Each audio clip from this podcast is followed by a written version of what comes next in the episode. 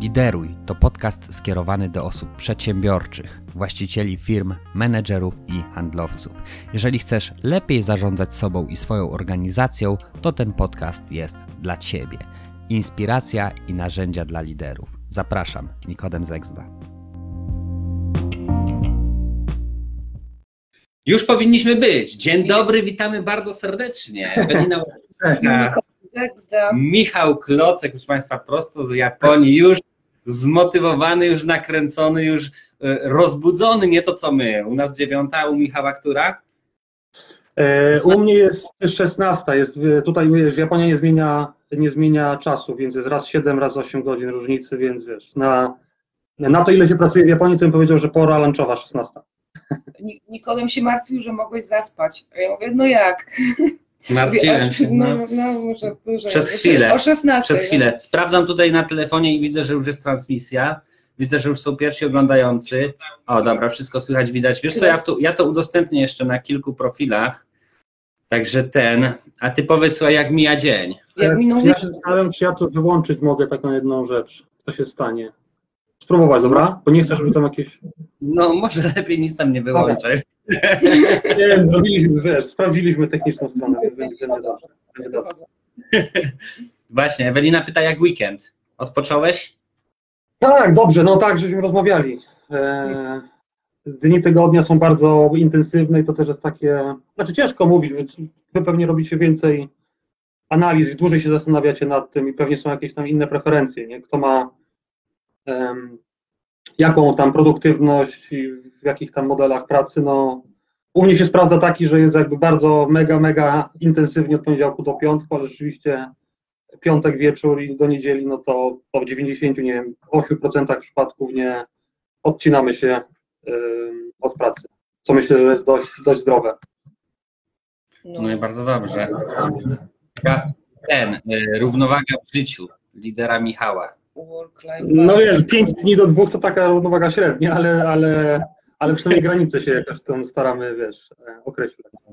Słuchaj, ja już dobra, ja już udostępnię, więc telefon odkładam, bo mnie trochę rozprasza. Mhm. Mamy dzisiaj rozmawiać generalnie w ogóle o różnicach takich trochę kulturowych, ale też w kontekście takim, nazwijmy to, dla liderów, nie? Bo cały, cały projekt mhm. liderów jest skierowany do menedżerów, do, do właścicieli firm, czyli do osób, które mają jakiś wpływ, no nie? Gdzieś na innych I powiedz mi takie, bo pracujesz już kilka lat w korporacji japońskiej, w Nissanie dokładnie, jesteś wysokim, wysokiej szczeblu, no, menedżerem wysokiego szczebla, e, przepraszam, jeszcze się nie do końca widzisz, potrafię wysłowić. E, I powiedz mi, jakie ty dostrzegasz takie główne różnice czy wyzwania dla ciebie, które by były właśnie jako, jako właśnie Polaka, no nie, w międzynarodowym, tak nazwijmy, ale też japońskim środowisku.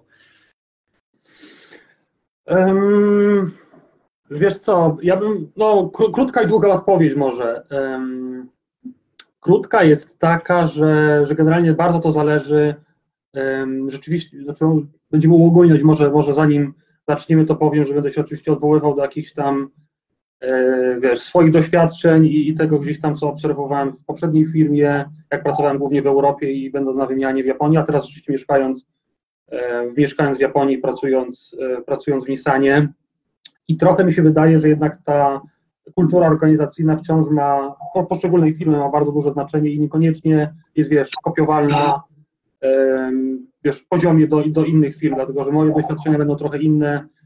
Wiesz, drugie czy trzecie miasto największe w Japonii i korporacja, która tylko 10% przychodu ma z rynku, wiesz, domestic, Okay. Inaczej się zachowuje niż firma, która jest duża w naszym mniemaniu już Polaka i ma, nie wiem, 30 tysięcy pracowników na przykład, ale 98% przychodu pochodzi z lokalnego rynku i wiesz, to co oni produkują to od 70 lat semiconductors i tam generalnie wiesz, wiadomo, że jest inna dynamika, inna hierarchiczność, inne patrzenie na te rzeczy. To była ta krótka, więc nie, długa będzie długa.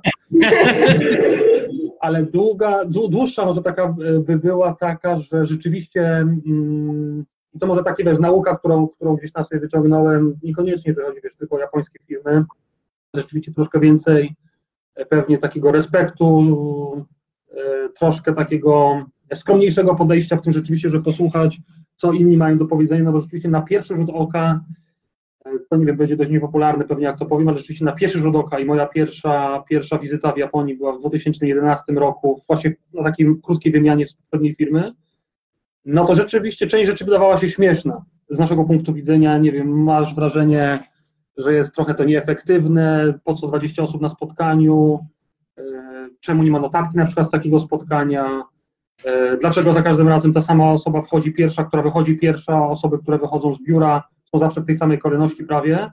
I to są takie obserwacje, które wiesz, robisz z tego memy i różne inne, wiesz, jaja, ale jak się zastanowisz, że firma ma 100 lat tradycji i, i ma, wiesz, średnio jeden pracownik, a tych pracowników ma, nie wiem, 100 tysięcy na przykład i jeden pracownik średnio przynosi ci rocznie milion dolarów przychodu, no to pomyślisz sobie, że i firma jest zyskowna, to, trzeba dodać, że pomyślisz sobie, że jednak musi być jakiś powód, żeby to działa i po prostu, mimo że nie widzimy tej jednej części, wiesz, więc tak mi się wydaje, że jedna rzecz, która dotyczy może Japonii, no to rzeczywiście jest inny horyzont czasowy, inne starszeństwo, może sobie o tym dzisiaj trochę porozmawiamy. Zupełnie inne rozumienie jest, kim jest lider, tak? Lider w naszym rozumieniu mówi o zachodniej kulturze, no bo tym Polska też przesiąga głównie, tak? Nie przesiąga wschodnią kulturą, tylko raczej albo mamy coś, nie wiem, UK, ale bardzo dużo wpływu ze Stanów.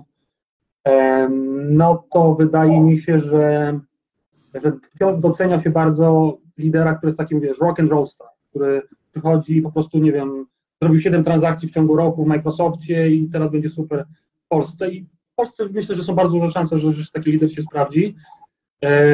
W Japonii zazwyczaj takie przeszczepy, nazwijmy to, nie za bardzo się sprawdzają, dlatego że masz inne, inne podejście do budowania strategii, inne podejście, inny horyzont czasowy zupełnie, zupełnie inny sposób podejmowania decyzji, więc krótka odpowiedź bym powiedział, że to zależy, ale druga rzeczywiście posłuchanie i bardziej przyjrzenie się te, temu, to była taka moja rada dla samego siebie ileś tam lat temu, co by można było zrobić, po prostu podpatrując, jak to robią inni, no bo z jakiegoś powodu działa to po prostu. Fajnie. Fajnie indywidualizm powiedzmy zachodni się przebija u nas, a tam jest bardziej takie kolektywne. Trochę mi się to łączy, nawet przed live'em rozmawialiśmy z Eweliną, z ewolucją w ogóle jakby zarządzania, w którym to kierunku idzie i odchodzi się od takiego paradygmatu pomarańczowego, gdzie cel uświęca środki bardziej w kierunku tak zwanego turkusowego, no nie, po drodze były jeszcze zielone, ale może sobie podarujemy te, te rzeczy. W każdym razie chodzi o to, że gdzieś tam wydaje nam się też z tego, co obserwujemy, jakby menedżerowie stoją przed cały czas nowymi wyzwaniami, przede wszystkim związanymi z tym, żeby angażować ludzi i żeby oni uczestniczyli bardziej w życiu, w życiu gdzieś tam firmy i bardziej wkładali w to serce i tego brakuje, bo u nas w Polsce, jak to powiedział profesor Santorski, jest bardziej takie zarządzanie folwarczne, nie? Czyli taki jest pa, pa, pan na folwarku, no nie? I generalnie jakby, który tak zarządza wszystkim jest takim, nazwijmy to oświeconym, albo przynajmniej tak uważa liderem, co nie? Tak jak mówisz, który tam ma taką, taki duży wpływ i władzę formalną, ale tak naprawdę ten model, takie mamy gdzieś tam obserwacje, że coraz mniej się sprawdza i bardziej to idzie w kierunku takiej właśnie współtworzenia. I lider to jest bardziej osoba, która potrafi właśnie gdzieś te potencjały uruchamiać, przede wszystkim zespołowe. E, z czego to wynika? No być może z tego, że gdzieś tam te poziomy kompetencji się coraz bardziej wyrównują ze względu na dostęp do wiedzy, te umiejętności już nie są tak znacząco różne, bym powiedział, prawda? Tylko raczej, raczej tutaj to gdzieś tam zmierza w tym kierunku. Ale powiedz mi jeszcze właśnie w kontekście japońskim, czy bo też my tutaj jako lideruj e, zajmujemy się trochę takim szczupłym zarządzaniem, wiesz, kaizen, czyli tą dobrą zmianą, tak, tym ciągłym doskonaleniem. E, I powiedz mi, czy to na przykład u siebie też te elementy jakby dostrzegasz, one są mocno akcentowane? Jak to wygląda? Super pytanie. Ja bym powiedział, znowu krótka i długa odpowiedź. Krótka, no to, no to rzeczywiście jest, tak, no to się to jakby usprawnianie tego procesu i ciągłe tak doskonalenie, później Kaizen jest, jest jakby wywodzi się z Japonii i wiadomo, że firmy, zwłaszcza firmy produkcyjne mają, mają gdzieś to zakorzenione i na to się patrzy. E, z tego punktu widzenia oczywiście każdy ma jakąś swoją, oprócz tego, że nie wiem, jesteśmy Japończykami albo jesteśmy Polakami, no to każdy ma swoją jakąś tam osobowość i swoją wiem, preferencję, którą sobie pewnie wypracowuje, czy nabywa gdzieś tam, gdzieś tam z latami doświadczeń. Ale też bym, jakby ja, ja bym powiedział na to, że zależy jaką, do jakiej roli idziesz jako menedżer, tak, do takiej firmy, no bo rzeczywiście troszkę inaczej może od tego bym zaczął, że troszkę inaczej bym patrzył, gdybym, wiesz, wylądował prosto po studiach i zaczynał rzeczywiście taką ścieżkę od samego początku japońskiej w japońskiej kulturze, w japońskiej korporacji, tak, zapytałeś na początku, co to znaczy dla Polaka, czy to jest trudno, czemu się tam trzeba przyjrzeć i tak dalej, to rzeczywiście bym powiedział, że, że po skończeniu studiów i gdzieś tam wpadnięcie w taką powiedzmy masę to mogłoby być bardzo ciężko, dlatego że jest bardzo duża hierarchiczność, bardzo duże starszeństwo i jeżeli idziesz tymi takimi normalnymi powiedzmy szczeblami i twoje zadanie to jest po prostu, wiesz, uczenie, mas, firma cię gdzieś tam przygotowuje przez lata do, do kolejnej roli, no to oczywiście ponownie zależy od, od, od osobowości, ale prawdopodobnie znając was troszkę i, i znając też trochę siebie, no to bym powiedział, że to nie jest koniecznie e, wiesz, taka ścieżka, którą my byśmy chcieli pójść. Ja na przykład, wiesz, w takim biznesowym japońskim, ja nie mówię takim, w ogóle nie używam takiego języka, nie znam go za bardzo, wiesz, znam, gdzieś tam mogę się wiesz, prywatnie poruszać w iluś tam słowach, e, ale rzeczywiście osoby, które zaczynają mówić, mówią na przykład bardzo dobrze po japońsku, obcokrajowcy, mają troszkę, troszkę są inne oczekiwania wobec nich. Prędzej ja mogę popełniać jakieś takie błędy kulturowe, albo, świadom, albo nieświadomie, albo wręcz świadomie, po to, żeby sobie móc, nie wiem, łamać różne sprawy związane, wiesz, z prowadzeniem projektu, z pozyskiwaniem budżetu i tak dalej, więc troszkę, wiesz, e, słoń w składzie porcelany i robisz to świadomie, bo to ci po prostu pozwala, nie wpadasz w tą kulturę całkowicie, no ale generalnie tamte osoby, które są stamtąd i całe, całe życie pracują w firmie, no to mają z tym, mają z tym kłopot, dlatego że muszą się gdzieś tam dostosować. O tym, co mówiłeś, jakiś tam set of skills, wiesz, co się przyjmuje, jak, jakie, jakie rzeczy się buduje, jeżeli chodzi o takie, nie wiem, miękkie też rzeczy, no to tutaj bym powiedział, że jest ogromna różnica w Japonii, a, a w Polsce na przykład, czy w ogóle w Europie. Dlatego, że ja to postrzegałem jako bardzo duży kłopot na samym początku i rzeczywiście ten downside tego jest dość duży. Jest, jest bardzo dużo generalistów, generalistów w Japonii.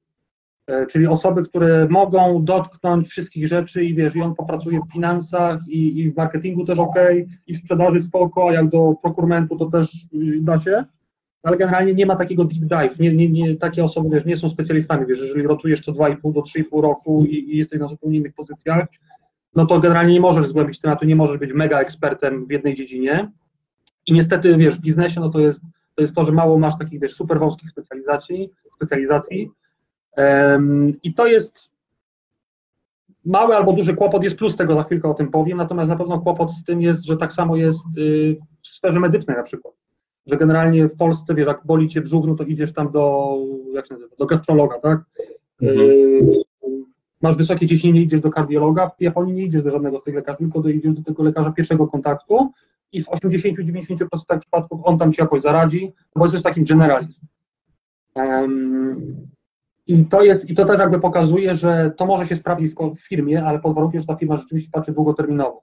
No bo jeżeli mamy takie szybsze ruchy, tak mówisz, folwarczne zarządzanie, e, oczywiście to jest przesada, ja bym tak nie powiedział, bo, bo widzę coraz bardziej będąc tutaj, widzę plus tego, jak to się dzieje w Polsce i nie wiem, podniesienie dynamiki i tak dalej no to rzeczywiście może to się sprawdzić tylko i wyłącznie, jeżeli masz takie polowanie, wiesz, jak lew czy, czy jak niedźwiedź, że jest długie planowanie, skok i masz sprawę załatwioną na następny, nie wiem, rok.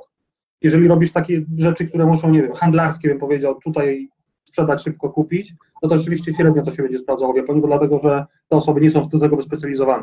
Japonia bardzo, czy japońskie firmy bardzo przygotowują ludzi na różnych szczeblach do, do jak to się mówi, do potencjalnego wiesz, przejęcia pozycji, gdyby coś się stało, nie ktoś odchodzi, ktoś wiesz, umiera, co się dzieje z tą osobą, to generalnie w większości firm na zachodzie, przez to, że masz bardzo dużo takiego rock and roll star, nie wiem, Steve Jobs, e, wiesz, Elon Musk, kogo, kto by zastąpił Elona Muska jutro, jeżeli Elon Musk z jakiegoś powodu nie przyjdzie do pracy? Nie za bardzo. W japońskiej firmie nie masz właśnie takiego rock and roll star, ale masz bardzo mocne zarządzanie takim drugim talentem. I generalnie te osoby w kolejce do CEO, do COO, do Executive Vice President i tak dalej, i tak dalej, raczej są bardzo przejrzyste. Jeżeli by odszedł mój szef, no to myślę, że wiadomo, kto by był potencjalnym kandydatem. Jeżeli ja bym odchodził, to raczej też wiadomo, kto na to miejsce przychodzi, wiesz, więc to jest plus Czyli tego, że żeby tam mu się jakoś tam coś tak, Musimy zejść z live'a w takim razie. Właśnie o tym Rockstar i tak dalej. Ja sobie myślę, Michale, Michale, gdzie żeś ty wylądował w takim razie? Przecież ty jesteś po prostu właśnie, wiesz, Rockstar i wylądowałeś w firmie o kulturze, która cię bardzo w tym momencie, że tak powiem, jakoś stara się oszlifować, może nawet za bardzo, wiesz o co chodzi, że jakby gdzieś tam jesteś wciskany w taki kolektyw i nie masz takiej możliwości tej swojej, e, nazwijmy, osobowości właśnie przebojowej e, eksponowania, nie? Chociaż twoja pozycja, bym powiedział, jednak świadczy o tym, że udało ci się przebić, nie? Wiesz co, e, no dziękuję za miłe słowo. Ja bym powiedział, ja bym powiedział, że tak jak powiedziałem na samym początku, że to zależy od, od, od kultury firmy i akurat ta firma, w której teraz pracuję jest bardzo międzynarodowa i i językiem urzędowym w ogóle jest angielski, większość zarządu jest z zagranicy, my jesteśmy członkiem aliansu też z Renault i Mitsubishi, więc jest firma bardzo międzynarodowa i nawet osoby stąd, które są, mamy 60 kilka narodowości u nas w biurze, więc jest super międzynarodowo i tam generalnie są troszkę inne, no inne preferencje, inne oczekiwania. I generalnie my, ja i tam generalnie w tym czasie w 2017-2018 roku był taki pomysł, żeby ściągnąć 20 osób, które są gdzieś tam po MBA z zagranicy, które pochodzą nie z rynku motoryzacyjnego, właśnie po to, żeby trochę przełamać te, te wiesz, te starodawne troszkę procesy i od nas, od nas oczekiwanie trochę takie, żeby właśnie pobudzać to i trochę kwestionować i tak dalej, i tak dalej. Oczywiście, wiesz, części osób się to podoba i te osoby, które mnie zatrudniły, no to oczekują tego, no bo, bo po to ściągnęły kogoś i mają bardzo dużo niewygód związanych z posiadaniem mnie pewnie niż, niż, niż z wewnątrz. No ale rzeczywiście słychać takiej, wiesz, te, że te takie cechy polskie pewnie wybrzmiewają bardziej za granicą, no bo widzisz, wiesz, my byśmy byli podobni, jak pójdziemy gdzieś tam, wiesz, do mia na miasto, a, a tutaj jak ty pójdziesz i inni koledzy, no to rzeczywiście widać jakieś tam inne zachowanie. I rzeczywiście słyszę takie głosy nawet obcokrajowców, że, a właśnie a propos Polaków niekoniecznie, już teraz nie chcę generalizować, że to jest kultura wiesz, zachodnia, wschodnia i tak dalej, tylko właśnie a propos Polaków, że są super zdolni, super ambitni, mega pracowici, e, ale jeżeli trzeba słuchać i wpiąć się w jakiś proces, to nie ma najmniejszej szansy, że po prostu masz takie, wiesz, trzeba załatwić, a czy na pewno, dlaczego tak, na pewno nie, zwariowali, wiesz, i kwestionujesz to i to jest, dopóki jesteś w roli, która, no wiesz, na pozycji firmie, gdzie to jest oczekiwane i to, jest, i to tak u mnie na szczęście mam bardzo, bardzo, bardzo dużo szczęścia, że takie jest oczekiwanie, bo wchodzi to gdzieś to naturalnie, ale rzeczywiście jeżeli jesteś na fabryce i masz robić kaizen, no to dlaczego mam usprawniać proces, jak proces założenia ten jest zły jak, i widzisz to na przykład na początku, wiesz, a tutaj troszkę jest to, że jest bardzo dużo zaufanie do organizacji, bardzo dużo zaufanie do, do zarządu, e, no to nie kwestionują tego ludzie, tylko po prostu przyjmują, wiesz, pan premier powiedział, że od jutra należałoby nie pić alkoholu w restauracjach po godzinie 19. I w Polsce co? A na wynos można? No to jak na wynos, to może drugi rachunek by można było otworzyć. U nas dzieje. Ja wiesz. Proszę? Chociaż tu u nas w Nowym Sączu mamy coś takiego, że po 22 nie kupisz alkoholu. No ale ty to kwestionujesz na pewno. Nie, nie no. Ona ja, kupuje ja, wcześniej, robi zapasy. Tak, albo jadę, jadę do Starego Sączu, bo już w Starym Sączu można. No więc do, do, dokładnie o tym mówię, wiesz, a tutaj jest ok, nie, nie powinno się, wiesz, jest ok. Tak naprawdę Ale... teraz dzisiaj mieliśmy czwarty, czwarty stan wyjątkowy w Japonii.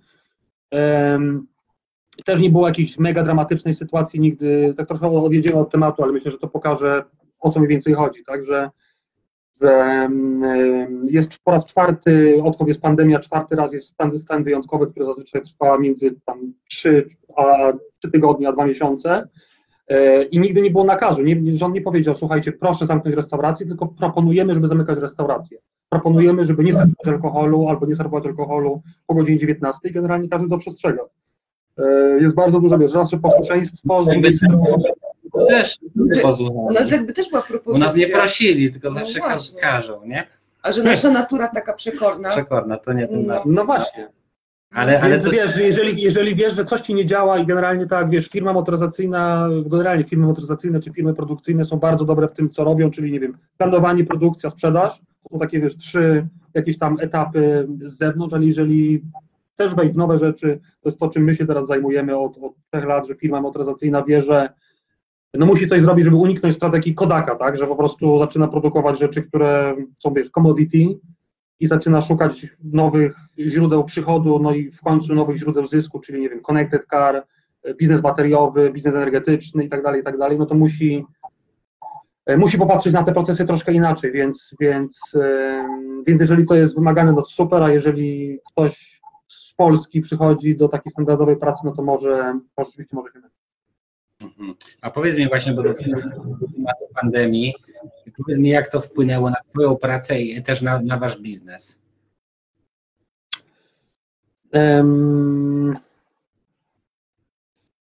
To dwie, dwie, zupełnie inne rzeczy, tak? Bo rzeczywiście, jeżeli chodzi o. A może zacznę od drugiego, bo, bo, bo będzie krótszy i może, nie wiem, mniej, mniej interesujący z punktu widzenia lideruj. No na biznes generalnie firmy motoryzacyjne może powiem ogólnie, żeby nie, wiesz, nie, nie, nie odwoływać do jakichś tam rzeczy. To rzeczywiście w pierwszy etap no to jest załamanie, no bo wiesz, jak nie wiesz, czy nie stracisz pracy i tak dalej, no to, to samochód nie jest, samochód, nie wiem, luksusowe dobra, że nie, nie są żadnym środkiem, które kupujesz w pierwszej kolejności, a jeżeli masz, no to nie wymieniasz na nowe w pierwszej kolejności. Ale później było takie odbicie, gdzie bardzo dużo, bardzo dużo osób, wiesz, bo w dużych miastach, w Azji to było widać dużo szybciej, ale też w Stanach, w dużych miastach bardzo dużo ludzi z taką dumą mówi, że nie potrzebuje samochodu, wiesz, że wiesz co, ja nie potrzebuję auta. Ja jestem, wiesz, wolny od tego, jeżeli chcę, to jadę na skuterze, jak chcę, to idę, jak chcę, to hulajnoga, jak chcę share, car sharing i tak dalej. No ale rzeczywiście pandemia pokazała, że no niekoniecznie tak, taksówki i zapchane pociągi i tak dalej. Jest bardzo dużo osób, które deklarowało, nie wiem, rok, dwa, trzy lata wcześniej, mimo oczywiście, że, że miały środki materialne na to, żeby, żeby kupić samochód, a nie chciały. Bardzo dużo osób z tego mówi, no samochód jakiś super luksusowy to nie potrzebuje, ale jakiś jednak potrzebuje. Rzeczywiście na te tańsze samochody zrobił się, zrobił, otworzył się jakby nowy rynek trochę dla osób, które wcześniej deklarowały, że, że na pewno nie chcą. Teraz to się gdzieś tam wyrównuje, no bo się okazuje, że też trzeba jakoś żyć normalnie i nic takiego aż dramatycznego dla, dla biznesu się nie stało. Oczywiście będzie długie, długie wracanie do, do, do, do PKB takiego, jak było wcześniej, no ale generalnie widać jakieś tam odbicie, więc wraca do takich normalnych, powiedzmy, zachowań jak, jak wcześniej. E, jeżeli chodzi o, mm, o pracę, tak, jak, jak, to, jak, to, jak to się zmienia, myślę, że mm, myślę, że w Japonii to było widać bardziej niż gdzieś indziej, tak, dlatego, że w Japonii nie było w ogóle kultury pracy z domu, e, przywiązanie do firmy jest bardzo duże, z jednej strony z oczekiwania oczywiście, żeby być w biurze, ale dla wielu osób, w Japonii jest bardzo dużo osób samotnych, jest Ministerstwo do Spraw Osób właśnie samotnych, więc, więc to jest duże issue e, w Japonii. E, I bardzo dużo to, jakby mówię, jako no, ze smutkiem, tak, że bardzo dużo osób, bardzo dużo osób, jakby jedyne takie życie towarzyskie, no to mają raz w tygodniu, kiedy się idzie na piwo i śpiewać na karaoke z ludźmi właśnie z pracy. Po raz pierwszy od wielu lat wzrosła ilość samobójstw w Japonii, no to z takich smutnych rzeczy. E, w tamtym roku, za 2020 rok, około 25 tysięcy samobójstw było w Japonii, co przerosło całkowitą liczbę śmierci z COVID-u za tamten i ten rok, za prawie półtorej roku. COVID przyniósł jakieś nie, nie, 19-20 tysięcy śmierci, a 25 tysięcy samobójstwa, więc generalnie jest to duże, duży kłopot, ale generalnie przestawienie się i tutaj od tej części to będzie story takie, które pewnie ma większość firm, że ludzie dostrzegli jakby plusy tego i prawdopodobnie też nie będziemy wracać na, na full time, tylko będzie jakiś miks pewnie, nie wiem, 3 plus 2, 2 plus 3, gdzieś tam. A w tym momencie nie, nie, w naszym wieku nie, ja nie jestem jeszcze zaszczepiony. My nie, nie mamy, czekamy wciąż na, na szczepionki. Czyli nie możesz być w biurze. Znaczy mogę, ale wiesz, pójdę i będę się przez 12 spotkań dzwaniał do tych samych ludzi przez Teams, także średni benefit. Wiesz, jak ktoś raz w miesiącu. Powiedziałeś Michał na początku, e, że w ogóle lider e, w Japonii jest zupełnie innym liderem niż w Polsce, nie? Jakby, jakby w, twojej, w twojej obserwacji, jakby, jakbyś mógł to rozwinąć w ogóle, jak ty to widzisz, nie? Jeśli chodzi o tego lidera, jak on jest postrzegany, nie? Że tak w twojej ocenie. Tak, tak, tak. Na pewno um, jest kilka aspektów tego. Um, pierwszy taki, no tak powiedzmy najbardziej ogólny, no to rzeczywiście um, jest w Japonii, nie z jednej strony jest oczekiwanie, żeby się nie wyróżniać, ale z drugiej strony ludzie nie lubią się wyróżniać, nie lubią mieć takich skupień. Oczywiście generalizuję, to nie jest 100% populacji, ale zdecydowanie kilkakrotnie pewnie więcej niż, niż u nas. E, że jest pewien dyskomfort związany z tym, że osoby czują na sobie wiesz, attention taki. Myśmy, myśmy e, zrobili taki eksperyment, przez to, że jesteśmy w aliansie, czyli taki no, w rodzinie jednej z razem z Renault, i też mamy trochę wymianę zarządu i tak dalej, i tak dalej. Jest bardzo duża współpraca w wielu rzeczach. No i rzeczywiście dla osób, które są międzynarodowe i mają większość tego swojego doświadczenia międzynarodowego, no to nie jest to jakiś tam wielki kłopot, ale rzeczywiście osoby, które nie spędziły 25 lat tylko w japońskiej kulturze i nagle pracują e, z Francuzami 25 i 25-letni staż Francuza, który nagle musi pracować z kimś z Japonii, no to jest to pewien kłopot. I myśmy zrobili takie coś, że przy, nie wiem, chyba sześć osób z Francji na podobnych e, stanowiskach i podobne sześć z Japonii i na, na tydzień zamknęliśmy w oddzielnych pokojach e, z trenerami którzy pracowali oddzielnie z tą grupą, z tą grupą, pytając o różne rzeczy. I każdy, żeby zweryfikować, każdy, nie wiem, test załóżmy, każde pytanie, grupę pytań zadawano dla tej grupy sześcioosobowej i Francuzów, i Japończyków oddzielnie, a później jeden na jeden w tej grupie. E, I jeden z takich, tam było oczywiście wiele takich ciekawostek, też oczywiście zawsze masz pytanie, czy jakby, nie wiem, była inna grupa sześciu, czy to jest to samo, no każdy ma jakieś tam inne preferencje, ale rzeczywiście widać bardzo dużo takiej korelacji, i jedna taka dość ciekawa rzecz, zadawaliśmy pytanie, e, jaki jest Twój ulubiony kolor? E, I we francuskiej grupie, w japońskiej grupie każda, każda pierwsza osoba, druga, trzecia, czwarta, piąta, szósta powiedziała niebieski. I później w jeden na jeden trener mówi tak, niebieski, niebieski, niebieski i ten ostatni mówi, wiesz co, ja lubię czerwony tak naprawdę, ale wiesz, mój szef tam mówi, że niebieski, już spoko, niebieski jest ok. We francuskiej grupie było dokładnie coś odwrotnego, że niebieski, niebieski, niebieski i niebieski, czerwony. Nie pamiętam, czerwony czy pomarańczowy. No i pytają tego i ten ostatni mówi tak, i ty wiesz, wszyscy niebieski, a ty czerwony, tak? On mówi, wiesz, ja niebieski, ale nie chcę tak wszyscy, jak wszyscy. Aha, okej. Okay. On wiesz, chce, wiesz, w japońskiej masz rzeczywiście coś takiego, że jest bardziej grupa niż właśnie rock and roll star i tak dalej, i tak, i tak dalej. Um, oczekiwanie trochę jest inne. To wy powiecie mi bardziej o, o tej zachodniej kulturze, co, co oznacza taki, wiesz, lider um, który jest rock and roll star, który przewodzi, który inspiruje, mega charyzma, rzeczywiście charyzma tu, charyzma w japońskiej, w japońskiej kulturze to rzeczywiście znaczy trochę co innego. W Japonii e, ta charyzma bardziej bym powiedział ogranicza się, znaczy ogranicza się. Oprócz tego, że taki lider to jest też generalist, ale jego takim głównym zadaniem to jest to, żeby dbać, wyczuwać dbać o atmosferę e, gdzieś tam w zespole, w grupie, to jest taki tata albo mama zespołu, który dba o to, żeby nic się tam złego nie stało. Oczywiście bardzo ciężko pracują, ale on jest takim buforem i on nie da zrobić krzywdy ludziom, którzy pracują gdzieś pod nim, a jeżeli jest jakiś kłopot, no to on, to jest jego zadanie, żeby z zarządem tam bojować, tak? No, to jest tak, to, to wydaje się jako taki powiedzmy, nie wiem, plus, tak? Z naszego punktu widzenia, nie wiem, przy pierwszej wizycie, jakbyście byli w Japonii, to może się Wam wydawać, że nie wiem, ta inteligencja, że my mamy wyższą inteligencję emocjonalną, ale mamy wyższą inteligencję emocjonalną trochę na tą ekspresyjność, tak? Czyli dużo więcej mówimy, po nas widać, czy fajnie, czy nie fajnie i tak dalej. W Japonii panuje taki koncept honne tatemae, honne, czyli twoje właśnie prawdziwe ja, e, które mi się wydaje, no super, ja właśnie chcę wiedzieć, czy, czy mu pasuje, czy nie pasuje.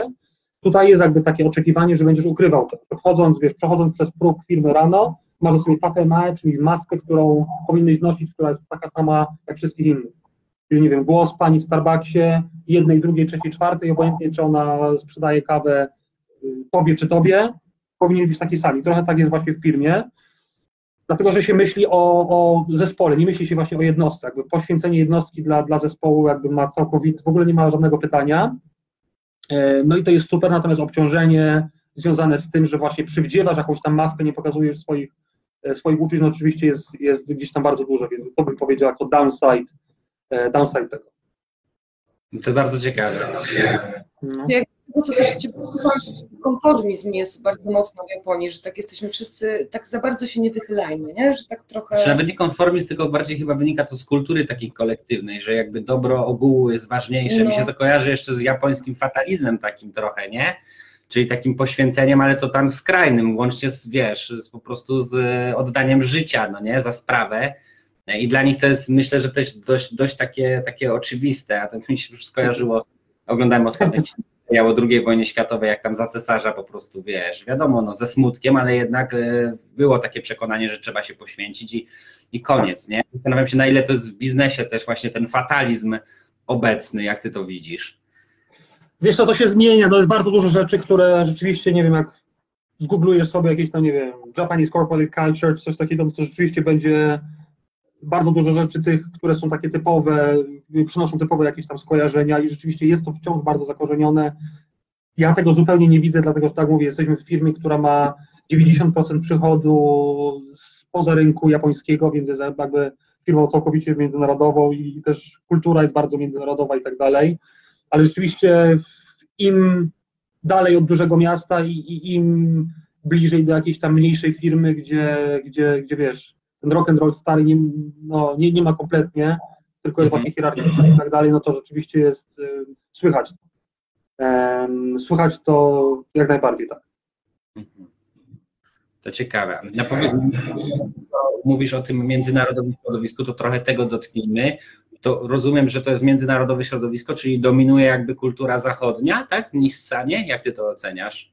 Jest, no jest blend tego, więc masz z jednej strony dużo takich rzeczy, wiesz, nie chcę, nie chcę, nie, nie jestem jakby zaślepiony, to wiesz, były tam pierwsze miesiące, widzę już dużo jakichś negatywnych oczywiście rzeczy, ale wydaje mi się, że rzeczywiście przez to, że masz, jest, jest, jesteśmy firmą japońską, która ma bardzo dużo takich czynów międzynarodowych, to rzeczywiście wydaje mi się, że jest dużo rzeczy wybranych po prostu z tej kultury, która, która znaczy nie, łamanie procesu rzeczywiście jest bardzo dużo inicjatyw, które pozwalają na to, żeby kwestionować proces, jeżeli widzisz, że, że, że jest zły, jeżeli komuś wydaje, że jest zły i raczej weryfikacja tego jest dość szybka, czego nie mają inne japońskie firmy na 100%. I to mi się wydaje, że jest takie jakby świadome, e, świadome wybranie firmy, ok, na to pozwalam jak najbardziej, po prostu lepsze to jest w Stanach, więc dlaczego mamy się katować tym, co widzimy, że nie działa po prostu, a z drugiej strony zostawienie jakichś takich rzeczy, które są dla japońskiej firmy bardziej naturalne, które widzimy, że mają sens, no nie wiem, um, Nemawashi, jeden przykład taki potem, czyli um, i to ponownie, zależy oczywiście, czy chcemy, jaki mamy produkt, jaki mamy horyzont czasowy, jaki, jaki jest okres planowania, tak? bo generalnie firmy motoryzacyjne mają ten horyzont długi planowania, od powstania pomysłu o samochodzie do, do momentu, kiedy auto jest na ulicy, to jest 7-8 lat, więc, y, więc to jest no, bardzo długofalowe um, myślenie. No i u nas, um, znaczy u nas mamy myśli w Polsce, tak, um, jest, myślę, że to ze Stanów tak wygląda, że rzeczywiście ludzie nie chcą się dzielić swoją na przykład prezentacją, idziesz na prezentację na przykład na zarząd, chcesz przedstawić nowy pomysł i dobrze mieć asa w rękawie, nie? Jest coś takiego, że to zobaczymy, zobaczymy, a to będzie killer. I na koniec dajesz na slajdzie, przepraszam to na, na, na, jakieś tam, wiesz, prezentację taką mega logistyczną element tego wszystkiego, ale wiesz, chcesz mieć właśnie asa w rękawie, tutaj to się nie sprawdza, dlatego że, wiesz, każdy ma trochę inny poziom mówienia po angielsku, też właśnie nie lubisz być zaskoczony, bo sobie przygotowujesz argumenty, nie po to masz brainstorm, załóżmy, że chcesz uwalić kogoś pomysł, nie po to masz brainstorm przez cztery noce wcześniejsze ze swoim zespołem, żeby właśnie zaatak, kontratakować to, co będzie przedstawione, żeby ci ktoś dał asa w rękawie, jest troszkę niekulturalne mi się wydaje, to jest wciąż um, kultura, um, wiesz, dystrybuowanie materiałów do prezentacji, nie wiem, dzień wcześniej czy dwa dni wcześniej po to, żeby każdy się zapoznał, żeby właśnie przygotował sobie pytania, mi się na początku to wydawało bardzo nieefektywne. I rzeczywiście to jest nieefektywne, nie byłoby to nieefektywne, jeżeli byś to robił 100 razy dziennie, no przesadzam oczywiście, robisz bardzo często dla dynamicznego produktu, no to rzeczywiście jest to średnie, ale pomyśl, że jeżeli macie, nie wiem, 50 interesariuszy, których trzeba przekonać i właśnie robisz taki proces Nemawashi, czyli zanim pójdziesz na spotkanie, to z każdym z nich spędzasz 10 minut. Tydzień przed zaznajamiasz go z agendą, mówisz, wiesz co, tak i tak dalej, i tak dalej. No i oczywiście to może oznaczać, że nie każdy, że, że będą ludzie bardziej otwarci mówić, wiesz co, na to się i tak nie zgodzę, na to się zgodzę, ale pod takim warunkiem. I to oznacza oczywiście, że już gdzieś musisz okroić tą swoją, nie wiem, ofertę, czy, czy nie wiem, prośbę o budżet i tak dalej, i tak dalej, ale raczej masz 99,9, że sobie, że będzie to zatwierdzone, super płynnie, super, wiesz, bez, bez żadnego tam kłopotu. No i przede wszystkim, jeżeli masz osoby po swojej stronie, bo przeszedłeś ten proces nemałashi, czyli takiego nieformalnego, nie chcę powiedzieć namawiania, ale takiego alignmentu, tak, z tymi ludźmi, no to oczywiście raczej masz dużo większą e, pewność, że później ludzie będą po twojej stronie, tylko że nie będą kwestionować, bo są współautorami tego pomysłu. Mi się wydaje, że tego troszkę u nas... Mega fajne. Super sprawa. No trochę mi się to kojarzy właśnie z takim podejściem bardziej partycypacyjnym, nie? czyli bardziej właśnie e, no, wspólnym, ale to, to jest osobny wątek. Ja myślę, że to są w ogóle takie rzeczy, które gdzieś Nie, to jest ten wątek też, tak, tak. Ale w, w, no właśnie, ale że to są takie elementy, które gdzieś tam, szczególnie w tych międzynarodowych y, korporacjach, bo mówisz o, o takim wybieraniu tego, co najlepsze, nie? My też generalnie jaka skierujemy głównie do małych i średnich przedsiębiorców, z takimi głównie pracujemy. Zdarza się oczywiście też z dużymi firmami, ale przede wszystkim z małymi i średnimi firmami. Tak? I właśnie wiesz, jakby przekazanie te, tych, tych, tych najlepszych praktyk, nazwijmy to właśnie, nawet jeżeli to jest zespół 5, 10 czy 20 osobowy, to jednak chociażby wspomniany przez Ciebie, czy brainstorm, czy właśnie taki proces lobbowania, nazwijmy to, e, danego rozwiązania, jest czymś, co może być w wielu firmach jakby takim wielką innowacją i może bardzo usprawnić e, jakby w ogóle funkcjonowanie no nie, biznesu, więc te inspiracje myślę są, są w koło. I tak jak mówisz, fajnie, że tutaj macie taką międzynarodową kulturę, bo wybieracie to, co najlepsze. Ale tak cały czas się za, za, zastanawiam i, i, i, myślę sobie, no nie, jakby to jest ciekawe w ogóle może, może dla mnie pytanie tylko, ale to w takim razie, które rozwiązania, no nie? No dokładnie, które rozwiązania, tutaj lajków, tyle, no. milion lajków no, nagle, nie? No, które rozwiązanie jest lepsze, no nie? Znaczy, które podejście jest lepsze, powiedzmy, do rozwoju biznesu, czy japońskie, czy zachodnie? To zależy, wiesz, myślę, że nie, naprawdę. No. Y, tyle mogę powiedzieć za darmo, ale nie, nie, żartuję. Myślę, myślę że, że to się super sprawdza, tak mówię, w, w, w biznesie, który jednak ma te kamienie milowe, wiesz, horyzont, przede wszystkim może zwróćmy tylko uwagę na horyzont czasowy, że jeżeli masz super agresywną kulturę, super agresywny rynek, to, co się dzieje dookoła ciebie, też zmiany są mega dynamiczne, no też popatrzmy, jakie są największe firmy japońskie. To nie są właśnie firmy typu właśnie, wiesz, Netflix, Amazon i tak dalej, to też pokazuje, to też taki wake-up call dla Japonii, tak, że, że generalnie, mm, ok, możemy mówić o, o przychodzie, ale generalnie zyskowność jest bardziej w platformach niż, niż produktach, bardziej software niż hardware dzisiaj.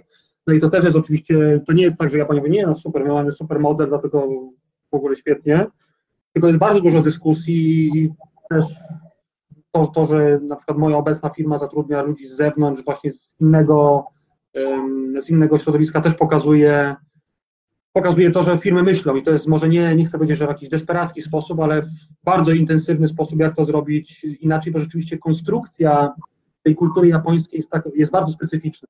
Nie wiem, czy znacie książkę e, Erin Meyer, Culture Map. Erin, Erin Meyers po, po, podzieliła właśnie, jak się zachowują organizacje, czy ludzie w organizacji, zmapowała, no nie wiem, największe kultury na świecie i podzieliła osiem takich, um, takich dimensions. E, I zazwyczaj jak masz wysokie seniority, czyli dużo, wysokie starszeństwo, czyli na przykład nie wiem, niektóre kraje południowej Ameryki, Chiny, właśnie Japonia, to jeżeli masz wysokie starszeństwo, czyli wysoką hierarchiczność, to, to raczej na pewno w takiej kulturze masz automatycznie bardzo dużą decyzyjność top-down.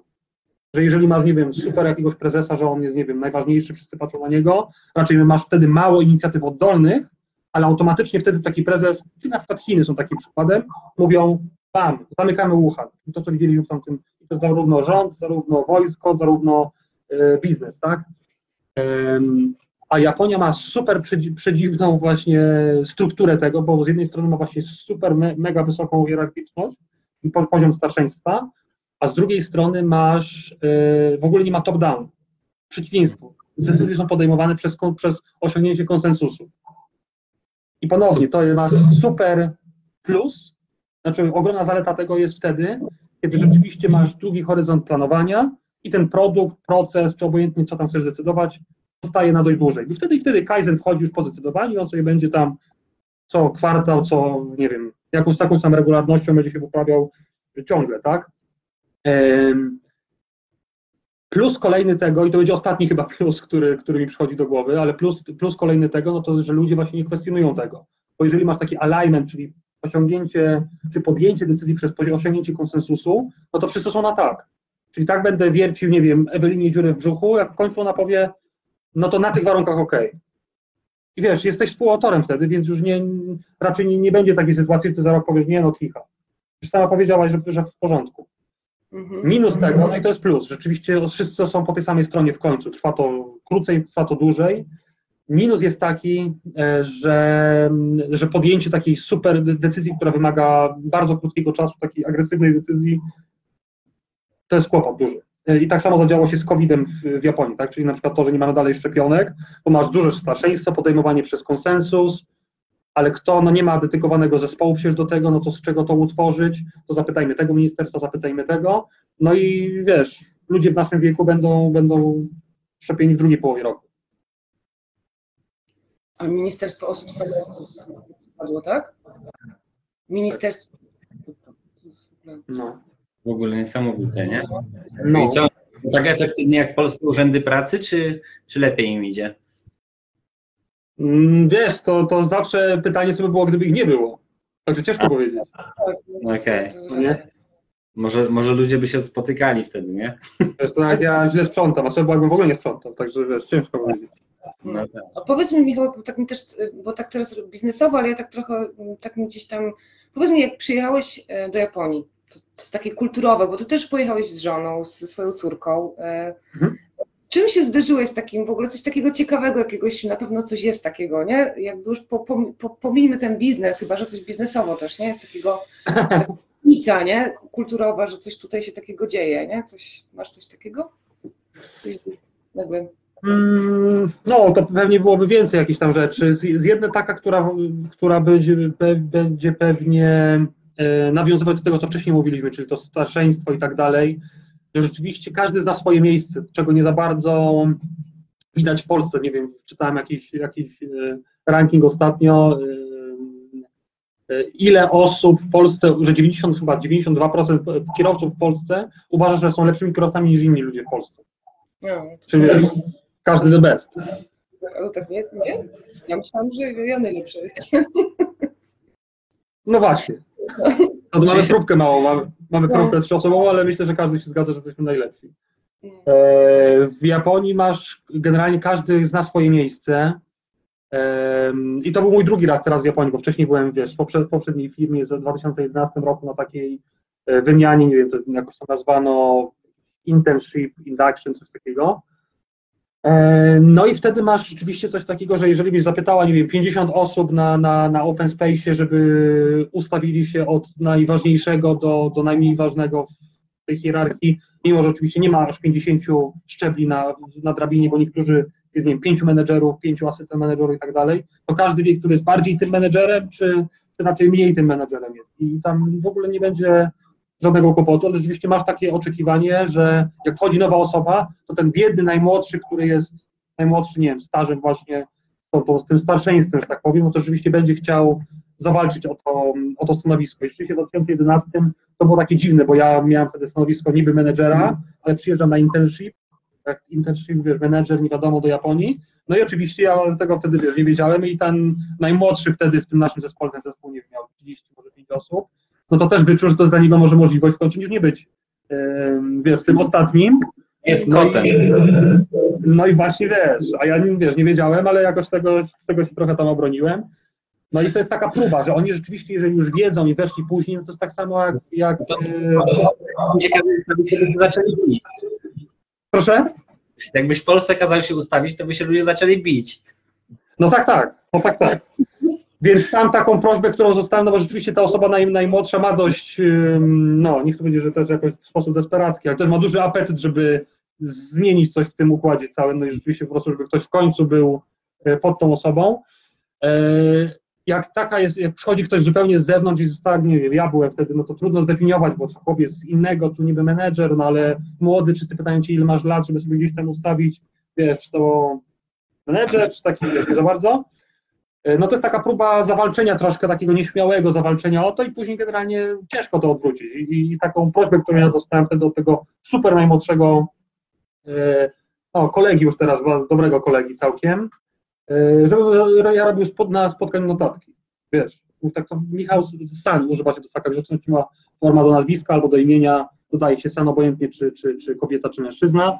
Więc Michał San, to wiesz co, tam o 16 będzie takie, takie spotkanie, to zrób notatki, a potem przyjdziesz do mnie i tam sobie, wiesz, w ostatniej chwili się udało, że wiesz, że, że jakoś tam się e, z tego obroniła. Rzeczywiście starszeństwo, ile masz lat i tak dalej, to jest, to jest coś, co bardzo się zwraca uwagę tutaj. Ciekawe. I co jeszcze? Jeszcze może. E, nie, która cię za, jako właśnie tak e, zainspirowała, czy zdziwiła może poza starszeństwem? Mm. Nie wiem, na pewno, na pewno, nie wiem czy, czy zdziwiło, ale jest bardzo duże oddanie, dla nas też się to wydaje, em, wydaje trochę dziwne, albo nie, może nie sztuczne, tak, ale właśnie troszkę, troszkę dziwne takie oddanie firmy, że oczywiście masz plus i minus tego, że z jednej strony firma dba o ciebie jakby dożywotnie, jeżeli masz ten, ten lokalny kontrakt, tak, i jesteś taką osobą, która przyszła po studiach i dostaje się, nie wiem, do Toshiby i ten long life employment, który się rzeczywiście zmienia i bardzo dużo młodych ludzi jednak decyduje się przerwać, zmieniać, nie wiem, karierę swoją i przechodzić z jednej firmy do drugiej, ale rzeczywiście nawet to, to jest taka wdzięczność trochę, wiesz, jak, jak, e, jak wychodzisz, wchodzisz do firmy, czy wychodzisz z firmy, nie wiem, pani sprzątająca, ochroniarz, który każdemu na początku rano mówi dzień dobry, po skończeniu pracy mówi ci Oscar Amades, czyli dziękuję ci bardzo za ciężką pracę, no bo wie, że dzięki temu, że ty ciężko pracujesz, to ona też pracę. I też osoby, które się przedstawiają obojętnie, czy jesteś na górze, wiesz, hierarchii, czy na dole hierarchii, um, używają zwrotu, że nie jestem e, Ewelina i by the way pracuję w lideruj, albo robię to i to, a teraz jestem trenerką i tak dalej, tylko zaczynasz od tego, że jesteś, mówisz, watashi wa Toyota no Kawamura desu. Jestem należącym do Toyoty panem Kawamurą że ty przynależysz do firmy, że ty nie jesteś, wiesz, wiesz o, co, o co chodzi. Nawet konstrukcja zdania pokazuje, że gdzie jest jakby nadrzędność tego, no i widać to bardzo na pewno. Lekko szokujące. To też Definiowanie człowieka przez pracę, e, w którą, której jest, no nie? No to, to myślę, że właśnie wynika z tej kultury organizacji. No nie? tak, tak, tak, oczywiście. No, tak. no fajnie. To, jest, takie... to, jest, to, to jest kłopot z tym, wiesz, taki downside tego jest, um, bo to jest jednak wciąż kultura oparta też na wstydzie i, i tak u nas, y, wiesz, nie mówię, który, kto z nas i czy, kto, czy ktoś z nas, ale wiesz, o, nie ma fotoradaru, ogień. Nie, nie ma tutaj takiego raczej postrzegania, albo wiesz, y, nie ma mandatu już za maseczki, to nie ma policji, wiesz, tu nie patrzysz tego, tu nigdy nie było nakazu noszenia maseczek, to jest jakby oczywiste, znaczy generalnie może było łatwiej w kulturze azjatyckiej, dlatego że nosiło się maseczki już dawno i to nie było nic dziwnego, e, że się nosi maseczki, ale raczej ludzie noszą maseczki nie po to, żeby się nie zarazić, tylko po to, żeby nie zarazić kogoś. Czyli już dawniej, nie wiem, ktoś, nie wiem, dwa lata temu nie było, wiesz, jeszcze mowy o koronawirusie, e, osoby przychodziły do pracy w maseczce, to znaczy, że ma ktoś katar i po prostu nie chce innej osoby zarazić, to u nas, wiesz, znaczy nie, nie, nie do pomyślenia. Um, Inne no. myślenie, zupełnie inne myślenie. Małgorzata pisze, dzień dobry, wspaniały gość specjalny, potężna dawka inspiracji i wiedzy, Michale. Dziękuję bardzo, pozdrawiam Małgorzatę. Gdybyście mieli, słuchajcie, tutaj oglądający jakieś pytania, to można oczywiście, czy teraz, czy później, też będziemy patrzeć na te wszystkie komentarze, odpowiadać.